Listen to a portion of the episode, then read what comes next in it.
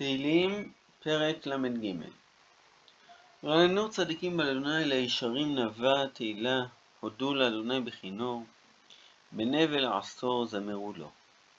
שירו לו שיר חדש, היטיב בו נגן בתרועה, כי ישר דבר אדוני וכל מעשהו באמונה. אוהב צדקה ומשפט חסד, אדוני מלאה הארץ. בדבר אדוני שמיים נעשו, וברוח פיו כל צבאם. כונס כנד מהים, נותן בו שרות תאומות. יראו מאדוני כל הארץ, ממנו יגורו כל יושבי תבל. כי הוא אמר ויהי, הוא ציווה ויעמוד. אדוני הפיר עצת גויים מני מחשבות עמים. עצת אדוני לעולם תעמוד מחשבות ליבו לדור ודור. החלק הראשון של המזמור זה פשוט שהצדיקים יכולים לשמוח ולרונן לישרים לבד תהילה, להודות להשם. כי הקדוש ברוך הוא כל מעשהו באמונה, הוא אוהב צדקה ומשפט, הוא עושה חסד השם, וכל מה שהוא ברא את העולם, כל מה שקורה בעולמות יש לו תכנון ויש לו תוכנית. השם הפיר עצת גויים, איני מחשבות עמים, עצת השם לעולם תעמוד מחשבות ליבו לדור ודור. זה החלק הראשון של המזמור. אבל אחר כך בא החלק השני של המזמור, אשרי הגוי אשר אדוני אלוהיו, העם בחר לנחלה לו. משמיים הביט אדוני ראה את כל בני האדם.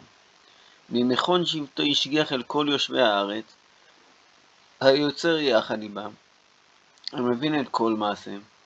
אין המלך נושע ברוב חי, גיבור לא ינצל ברוב כוח, שקר הסוס לתשועה. ברוב חילו לא ימלט, הנה עין אדוני ליראיו, למייחלים לחסדו להציל ממוות נשם ולחבטם ברעב.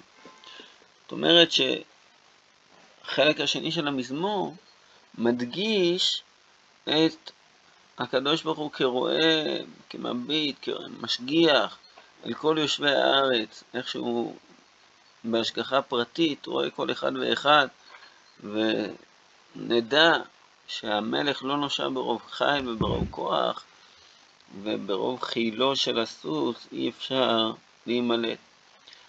נסכם המזמור נפשנו חיכתה לאדוני עזרנו מגננו הוא, כי בו ישמח ליבנו, כי בשם קודשו בטחנו, יהי חסדך, אדוני אלינו כאשר הכנו לך. זה למעשה המזמור שלנו. נעיר פה כמה הערות. א', הפתיחה של המזמור, רננו צדיקים בהשם, אין פה שום כתובת.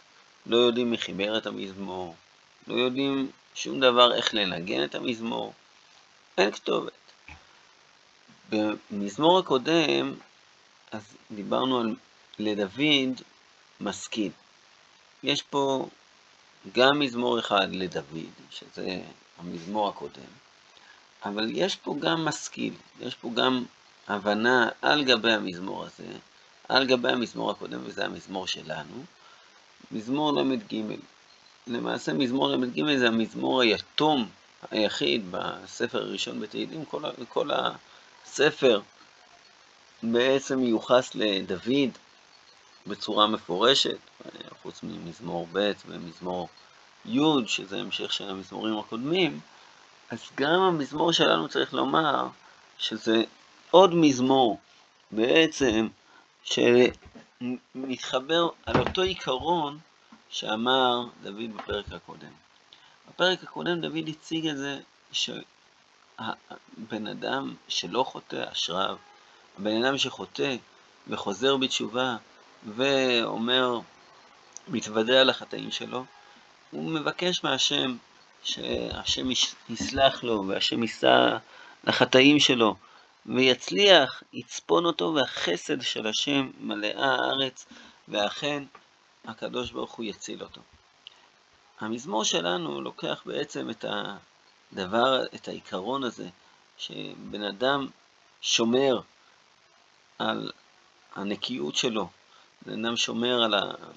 שלא יחטא ושלא יפשע, ואפילו אם הוא חוטא ופושע, אז הוא מבקש ואומר תודה ומתוודה על החטאים, ואז הוא זכאי לשמירת השם, חסד השם שמסובב אותו. זה המזמור הקודם, על גבי זה בא המזמור שלנו ואומר, זה נכון לא רק בפרט, זה נכון גם בכלל.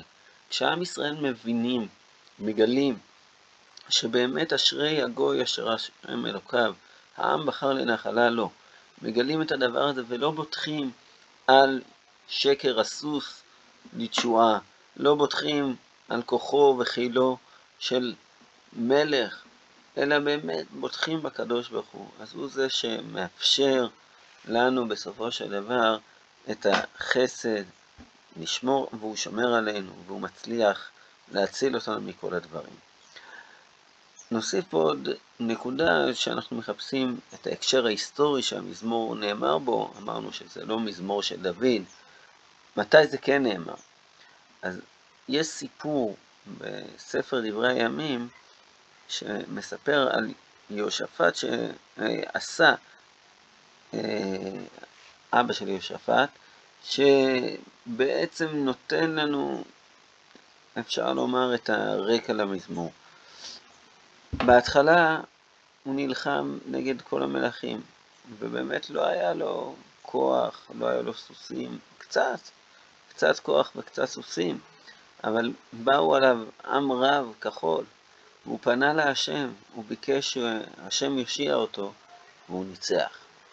אבל אחרי הרבה שנים, פעם נוספת הייתה מלחמה בין ישראל לבין יהודה, ומה שהוא עשה, במקום לסמוך על השם, במקום לבטוח בהשם, במקום לדעת שהוא זה שיציל אותו ברעב, אז הוא פנה למלך ארם שיציל אותו.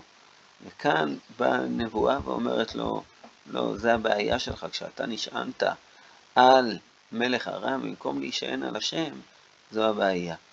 ואפשר לומר, אם אנחנו מסתכלים במילים הדומות כאן וכאן, אז אפשר לומר שהמזמור שלנו מתבסס בעצם על הדבר הזה, על עשה והנפילה שלו, כמו שאנחנו רואים במזמור. עד כאן.